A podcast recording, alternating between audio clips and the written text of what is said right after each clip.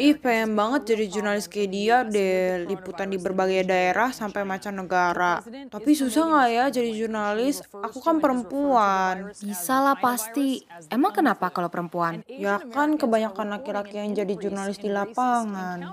Ya enggak lah. Mau tahu gimana pengalaman jurnalis perempuan? Yuk kita dengerin langsung di V-Voice Podcast.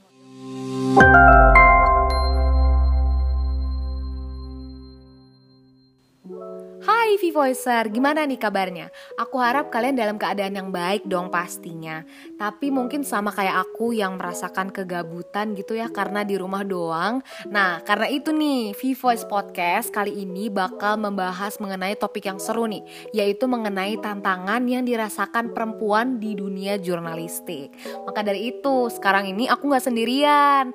Jadi V-Voice Podcast kali ini kedatangan tamu spesial Yaitu Mbak Utami. Mbak Utami ini merupakan jurnalis yang sebelumnya pernah punya kesempatan menempuh pendidikan di luar negeri nih, Vivoicer. Ya udah Vivoicer, langsung aja nih daripada lama-lama kita sapa aja ya Mbak Utaminya udah hadir nih. Hai Mbak Utami, selamat siang. Siang. Oh iya Vivoicer, sebelumnya nih Citra mau ngasih sedikit background tentang Mbak Utami. Jadi Mbak Utami itu merupakan instruktur jurnalisme data yang pernah berkecimpung juga di dunia wartawan nih. Nah selengkapnya mungkin Mbak Utami bisa nih menjelaskan backgroundnya yang lebih komplit gitu Mbak. Halo, uh, Voicer. Jadi nama saya Utami Diah Kusumawati, panggilannya Utami. Sekarang kebetulan mengajar sebagai dosen dan juga sebagai instruktur untuk kelas jurnalisme data kepada wartawan di seluruh Indonesia. Sebelumnya bekerja sebagai jurnalis uh, di beberapa media seperti di CNN Indonesia dan juga Jakarta Post. Oke, berarti Mbak Utami itu udah berapa lama sih berkecimpung di bidang jurnalis ini? sebenarnya uh, kalau formalnya sih tujuh tahun ya gitu tapi waktu dari kampus memang sudah sempat berkecimpung di dunia uh, apa namanya media kampus ya buletin kampus gitu. Jadi waktu itu awalnya tidak kepingin jadi wartawan gitu tapi suka tulis menulis ternyata di kampus waktu itu di UI jadi diadakan workshop yang mengadakan waktu itu Kompas gitu. Jadi waktu itu karena diajak teman terus uh, saya ikutan terus ternyata di sana ada perlombaan untuk membuat koran gitu. Dan ternyata grup saya waktu itu menunjuk saya jadi pemret dan menang kelompok kami kelompok pertama dan juara pertama dan favorit. Akhirnya waktu itu dibilangin sama salah satu petinggi Kompas kamu harus jadi wartawan ya gitu. Akhirnya jadi terus deh habis itu. -uh. Oke mbak, jadi ini kalau bisa aku simpulkan Berarti mbak tuh nggak punya latar belakang kuliah jurnalistik sendiri ya? Atau media gitu nggak punya ya mbak? Lebih ke apa ya? Mungkin ketertarikan mbak dalam menulis sesuatu ya? Ya awalnya soalnya saya ngambilnya tuh sastra Inggris uh, di UI gitu. Jadi bukan jurnalistik sama sekali. Tapi karena ikutan workshop itu yang akhirnya kok ternyata menulis itu bisa juga ya dipakai untuk yang lebih besar fungsinya gitu dari sekedar bercerita tetapi juga uh, sebagai jurnalis ya untuk menginformasi masyarakat gitu, melakukan perubahan begitu. Jadi ternyata menarik ya begitu. Jadi kalau misalnya aku bilang kenapa Mbak sekarang jadi seorang jurnalis global itu berpengaruh karena latar belakang pendidikan Mbak yang mengambil jurusan sastra Inggris itu betul nggak sih Mbak? Oh itu bisa juga. Uh, jadi ketika maksudnya jadi kita ketika misalnya harus menulis gitu yang berkaitan dengan kalau misalnya kita di media Indonesia gitu kan pakai bahasa Indonesia, tetapi kadang kan kita harus menyadur ya melihat sumber dari media-media internasional itu jadi memudahkan juga gitu untuk melakukan uh, proses uh, terjemahan ya gitu dan dan kalau misalnya nanti uh, mau berkecimpung di media internasional juga akan sangat membantu sih gitu kemampuan berbahasa Inggris itu. Oke, lalu apa aja sih Mbak tantangan yang pernah Mbak sendiri rasakan nih sebagai seorang jurnalis perempuan? Karena kan tim Voicer nih udah mencari nih Mbak bahwa memang sebagian besar media di Amerika itu didominasi oleh laki-laki gitu. Oh iya, itu pasti ya gitu. Jadi awal-awal mungkin dari pemilihan isu gitu. Kalau misalnya isu-isu yang berat mungkin ya dikategorikan yang serius misalnya seperti politik, kriminal gitu kan. Terus uh, kita bicara soal korupsi atau terorisme gitu. Itu dulu-dulu pasti sering banyak dikasih ke laki-laki ya gitu perempuan ditaruhnya nanti kayak gaya hidup gitu kan terusnya hiburan atau misalnya kestra ya kesejahteraan sosial gitu.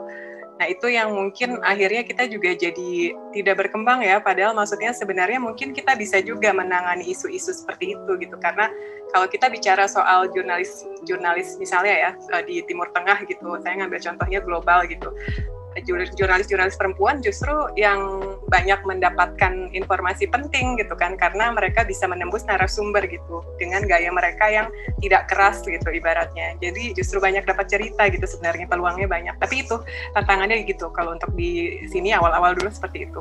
Berarti kalau bisa dikatakan prioritasnya jurnalis perempuan itu di nomor dua kan ya mbak Ya, nah itu dia sebenarnya mungkin uh, jadi gini, ketika kita menggarap sesuatu yang susah ya gitu, kayak misalnya berita-berita kriminal gitu, itu kan mengasah kemampuan kita juga ya sebagai wartawan gitu. Tetapi kalau dari awal kita udah dikasih isu-isu yang uh, santai gitu seperti saya nggak bilang sih ada perbedaan antara isu satu dengan isu lainnya gampang maksudnya tapi lebih uh, bobotnya lebih tingkatannya lebih susah ya karena kan uh, isu, uh, apa namanya untuk men mencari narasumbernya juga susah gitu. Nah kalau dari awal kita udah dikasih gitu isu-isu seperti itu gitu itu kan nanti kemampuan kita juga akan jadi lebih berkembang gitu. Jadinya kemampuan uh, analitis kita gitu terus kemampuan investigatif kita gitu. Nah gitu jadi uh, semestinya sih uh, dari awal gitu semuanya gitu sudah sama rata ya gitu dikasih. Jadi bukan berdasarkan gender dia seharusnya pegang isu ini, tetapi memang uh, dilihat dari kemampuannya aja gitu. Lalu nih Mbak, kalau dari pandangan Mbak sendiri nih sebagai seorang jurnalis perempuan ya, apa sih kesetaraan gender itu? Nah itu berarti mungkin tadi itu jadi terbukanya gitu ya peluang untuk mendapatkan isu bukan berdasarkan karena dia seorang perempuan atau seorang laki-laki, tetapi memang karena kemampuan mereka gitu. Bahwa juga perempuan juga bisa berkembang dan menjadi seorang jurnalis perang katakanlah ya atau jurnalis uh, investigatif atau misalnya jurnalis yang bergerak di bidang politik ya isu-isu politik dan terorisme sama bagusnya seperti laki-laki gitu yang menangani isu itu gitu. Karena misalnya kalau kita bicara salah satu contohnya ada salah satu wartawan Kompas senior ya, dia jago sekali untuk terorisme padahal perempuan gitu dan ngambil S2-nya khusus untuk terorisme gitu. Jadi kita tidak bisa. Nah, itu ya. Jadi kita tidak bisa melihat karena gender gitu hanya hanya gender tertentu saja yang jago di uh, isu-isu terspesifik gitu misalnya.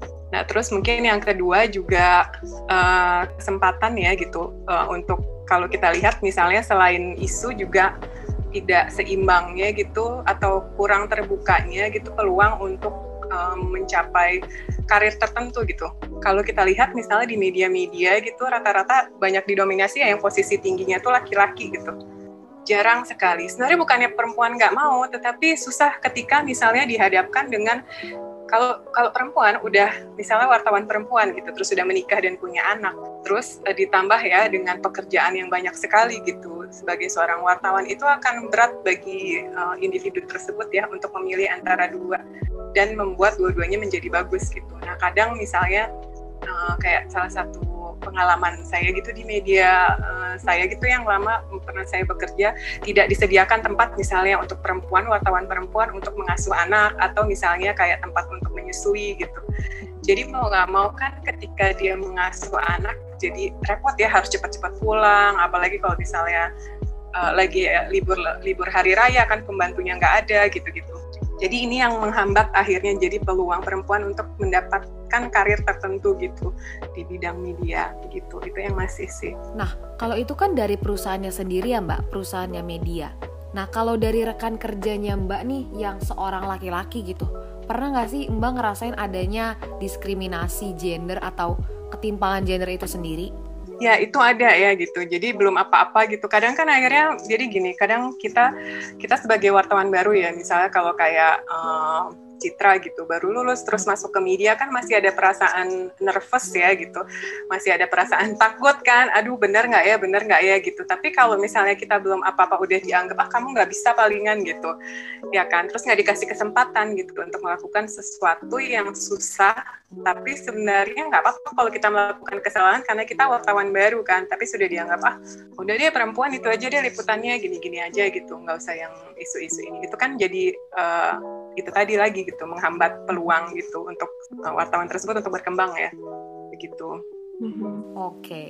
nah kalau misalnya Mbak Utami sendiri nih punya nggak sih kayak tokoh jurnalis perempuan yang memang Mbak jadikan role model gitu? Yang dijadiin role model ya, aduh banyak banget ya. Tapi kalau di bidang visualisasi data gitu, ada salah satunya itu um, sebenarnya jadi tuh dia um, namanya Sisi Wei ya dia sekarang ada di dia media di media Amerika gitu ya. Saya terakhir dia sempat di ProPublica gitu. Tetapi terus sekarang kayaknya di, jadi uh, dia tuh jago sekali untuk membuat visualisasi data gitu grafik. Karena kita tahu bahwa ketika kita, kita bicara soal desain dan grafis gitu dan komputer program itu banyak laki-laki kan yang bekerja gitu ya.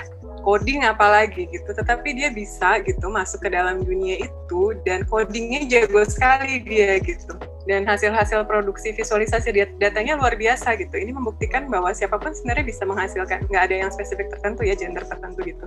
Dia salah satu inspiring uh, inspirasi sih. Sama satu lagi tuh yang wartawan Rappler ya, uh, Rappler ya, pendiri Rappler, Maria Ressa, ngelihat kondisi Filipina yang seperti itu gitu, penuh dengan konflik, terus juga resikonya gitu karena karena pemimpinnya sekarang juga uh, banyak mendapatkan kritik ya gitu akibat penanganannya terhadap kasus-kasus sosial di Filipina gitu. Tetapi Maria Reza tetap teguh ya gitu dengan travelernya terus uh, apa mengungkap isu-isu HAM terutama. Nah itu salah satu yang memang sangat inspiring banget ya tokoh-tokoh itu. Kalau boleh mundur lagi nih ke latar belakang Mbak sendiri, Mbak nih punya nggak sih kayak kesempatan untuk kerja di media luar waktu dulu gitu?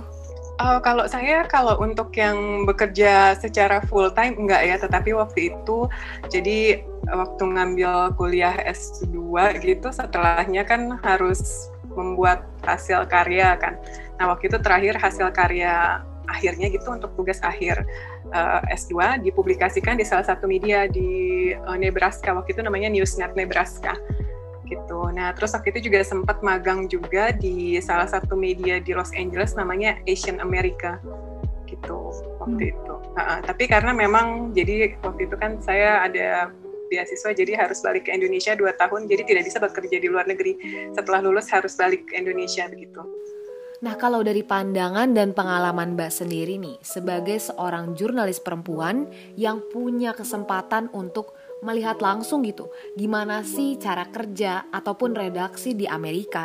Nah, Mbak sendiri melihat nggak sih adanya perbedaan yang signifikan gitu dari media di Indonesia dan di Amerika sendiri itu mengenai kesetaraan gender? Nah, kalau di luar sih sebenarnya uh, perempuan-perempuannya itu lebih vokal ya gitu, perempuan-perempuan jurnalisnya dan banyak top-top jurnalisnya justru kayak waktu itu ada salah satu uh, apa namanya wartawan senior gitu yang memang dia ahli CIA ya intelijen gitu-gitu security gitu cyber security gitu. Jadi banyak pakar-pakar yang isunya tuh kalau kita bilang kayaknya maskulin banget ya bukan laki-laki tapi maskulin banget gitu itu malah uh, dikuasai oleh perempuan gitu ahlinya adalah perempuan gitu. Jadi memang uh, karena uh, mungkin gini ya mereka tuh mengambil edukasinya itu tidak setengah-setengah gitu. Jadi yang laki-laki yang perempuan gitu uh, mereka sama-sama kalau pingin ahli mereka bisa ngambil sampai S2 atau bahkan S3 gitu. Jadi kesempatannya terbuka banget di sana. Tetapi kalau kita balik lagi ngelihat ruang redaksinya sebenarnya mereka juga masih mengalami persoalan yang sama kayak di Indonesia juga.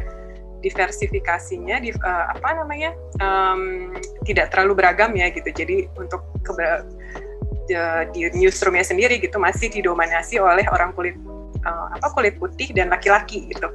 Perempuan ada tapi tidak sebanyak eh, laki-laki uh, dan kulit putih gitu. Apalagi kalau kita masuk ke dalam perempuan uh, kayak Citra, kayak saya gitu kan masuknya kita perempuan dan kulit berwarna ya dari Asia gitu.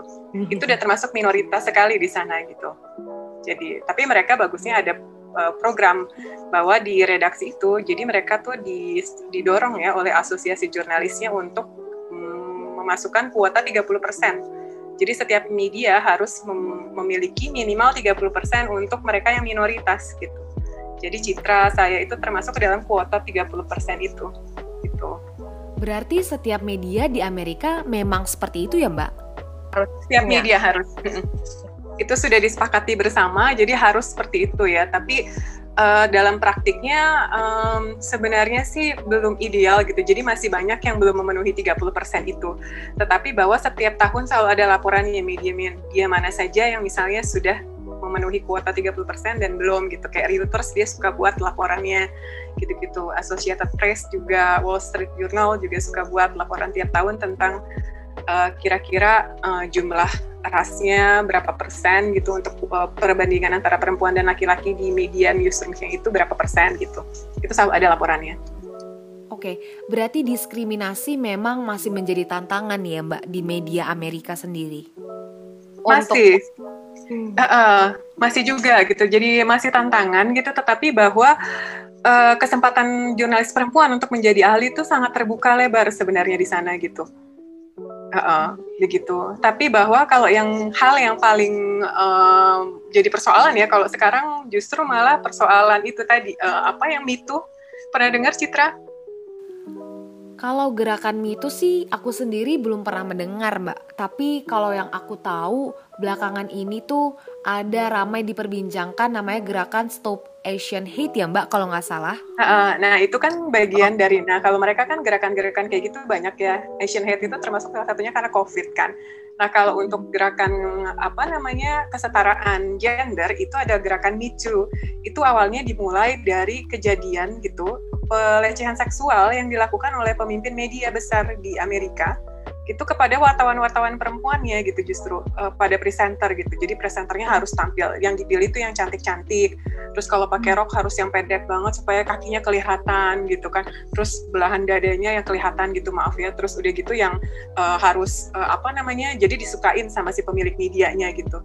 Nah waktu itu banyak yang meng mengalami pelecehan tersebut tetapi takut mengungkapkannya ke publik karena uh, takut karirnya rusak gitu. Nah di sana tuh sekarang lagi kencang gitu karena udah ada yang berani membuka suara, akhirnya kasusnya terkuak. Jadi di media-media lain juga bagi yang mengalami kejadian serupa gitu, terutama wartawan perempuan, dia bisa ber, membicarakannya ke, ke publik gitu ya. Jadi gitu, itu bagus ya sebenarnya karena memang rentan sekali sih gitu. Kalau untuk itu, itu juga apa soal masalah uh, safety juga gitu untuk wartawan perempuan. Nah, kalau di Indonesia sendiri nih, Mbak, apakah hal tersebut juga terjadi gitu? Di mana hanya perempuan yang dinilai menarik atau cantik aja yang bisa diperbolehkan untuk tampil? Nah itu persepsi menariknya ini sebenarnya mungkin bisa diubah lagi ya gitu. Jadi bahwa persepsi menarik itu seperti apa? Misalnya kalau kita lihat uh, kalau misalnya di luar ya, misalnya menarik itu diasosiasikan dengan mereka yang kulit putih, terus rambutnya blond, misalnya gitu ya, badannya kecil gitu. Nah kalau di Indonesia itu yang menarik itu seperti apa gitu? Apakah harus selalu ya? Kalau sekarang saya lihat udah banyak misalnya pembawa berita yang rambutnya tuh udah mulai kecoklat-coklatan ya, kadang terus yang udah mulai agak keblon keblondan gitu kan. Tapi apakah rambut hitam itu tidak menarik gitu? Padahal kan kita Asia lekat dengan rambut hitam begitu. Ya itu persepsi yang harus diubah dan jangan diikuti gitu. Uh, kemauan uh, pembaca gitu. Kalau enggak nanti kan jadi kita menampilkan sesuatu uh, apa namanya tampilan fisik yang sebenarnya tidak sesuai ya gitu dengan budaya kita aja gitu jadinya gitu. Terus misalnya apakah harus Kalau badannya kecil banget atau atau mungkin hmm. badan yang sedikit berisi nggak apa-apa gitu misalnya gitu. Berarti ada nilai kecantikan gitu ya Mbak? Uh, karena gini, jadi waktu itu saya juga punya teman yang dia tuh tidak bisa menjadi presenter ya gitu, hmm. karena dia mukanya tuh dilihat tidak simetris antara kanan dan kiri. Jadi dibilangin dia tidak lolos waktu itu karena waktu ketika dilihat fisikalnya gitu ya tes fisik, dibilang muka kamu tidak simetris antara kanan dan kiri. Tapi kan itu bisa menjadi sebuah apa ya efek psikologis yang lama kan buat buat perempuan tersebut. Oh saya nggak cantik gitu, makanya saya tidak bisa menjadi presenter. Padahal misalnya dia sangat berbakat untuk uh, melakukan interview gitu kan. Atau dia berbakat untuk mendapati narasumber gitu, jadi jangan seperti itu seharusnya gitu. Uh, apa namanya uh, responnya gitu. Jadi semata-mata hanya fisik aja gitu. Tapi harus dilihat dari aspek lain dari kemampuan uh, sang perempuan atau jurnalis perempuan yang bersangkutan. Oke deh. Nah ini pertanyaan terakhir nih ada nggak sih Mbak yang mau Mbak sampaikan nih mungkin bisa berupa nasihat atau tips and trick gitu buat jurnalis perempuan, terutama jurnalis baru nih? Ya, nah ini kalau terkait kesetaraan ya. Jadi jangan pernah membatasi diri kita gitu. Hanya karena kita perempuan, jadi kita hanya bisa melakukan isu-isu tertentu. Oh nggak apa-apa itu wartawan laki-laki kok biasanya megang gitu. Jadi beranilah challenge challenging diri kita gitu untuk melakukan isu-isu yang susah gitu. Karena dengan kayak gitu kita akhirnya jadi berkembang. Gak apa-apa nanti kalau terakhir udah di ujungnya gitu, ketika kita sudah menjadi wartawan satu atau dua tahun, hati kita misalnya, oh saya lebih suka isu pendidikan misalnya, itu nggak masalah. Tetapi dari awal gitu, jangan pernah mau untuk hanya diberi isu-isu yang tertentu aja gitu. Jadi uh, selalu coba isu-isu susah gitu ya dari politik gitu, terus udah gitu kriminalitas, segala macam untuk isu korupsi, teroris, uh, jalanin aja gitu. Kalau misalnya memang tidak dikasih-kasih, nggak apa-apa, nggak ada salahnya kita minta. Saya pingin dong untuk belajar uh, Mas Mbak gitu untuk mengembangkan diri. Uh, biasanya kalau kita lebih aktif nanti editornya akan biasanya lebih uh, mau ya untuk membagi isu-isu tertentu gitu untuk kita liput jadinya. Itu pertama. Terus kedua, uh, sering banyak ngobrol sama senior perempuan juga ya. Karena kita tidak tahu di ruang redaksi siapa yang um, ibaratnya potensi terhadap kekerasan seksual selalu ada ya sama pelecehan seksual yang kita tidak sadari gitu. Dan itu kadang tidak terungkap ke publik tapi kita tahu orang yang mana gitu yang suka melakukan hal tersebut. Jadi untuk mendapatkan informasi itu apalagi kita wartawan baru ya nggak tahu apa-apa nanti diajak. Kita mau diskusi di di coffee shop aja jam 10 malam nggak tahu dikira bagian dari pekerjaan ternyata bukan jadi kita dapat informasi-informasi tersebut yang bisa melindungi kita gitu dari kejadian-kejadian yang membahayakan gitu ya ibaratnya jadi itu buka banyak oh, ngobrol juga sama senior-senior perempuan dan banyak dapat ilmu dari mereka gimana sih caranya gitu untuk bisa survive gitu dan bisa bisa maju gitu sebagai wartawan baru terutama karena karena perempuan. Wah, Citra di sini mau mewakili semua V-Voicer nih di rumah buat mengucapkan terima kasih banyak buat Mbak Utami yang sudah meluangkan waktunya untuk berbagi nih chit-chat dengan Citra dan V-Voicer di rumah menceritakan mengenai pengalamannya Mbak sebagai seorang jurnalis perempuan nih. Terima kasih ya Mbak sekali lagi. Kalau isu-isu perempuan tidak di tidak dipimpin oleh perempuan juga, bagaimana kita bisa dilindungi? Karena kan orang yang memegang isu itu kan belum tentu paham persoalan perempuan seperti apa begitu.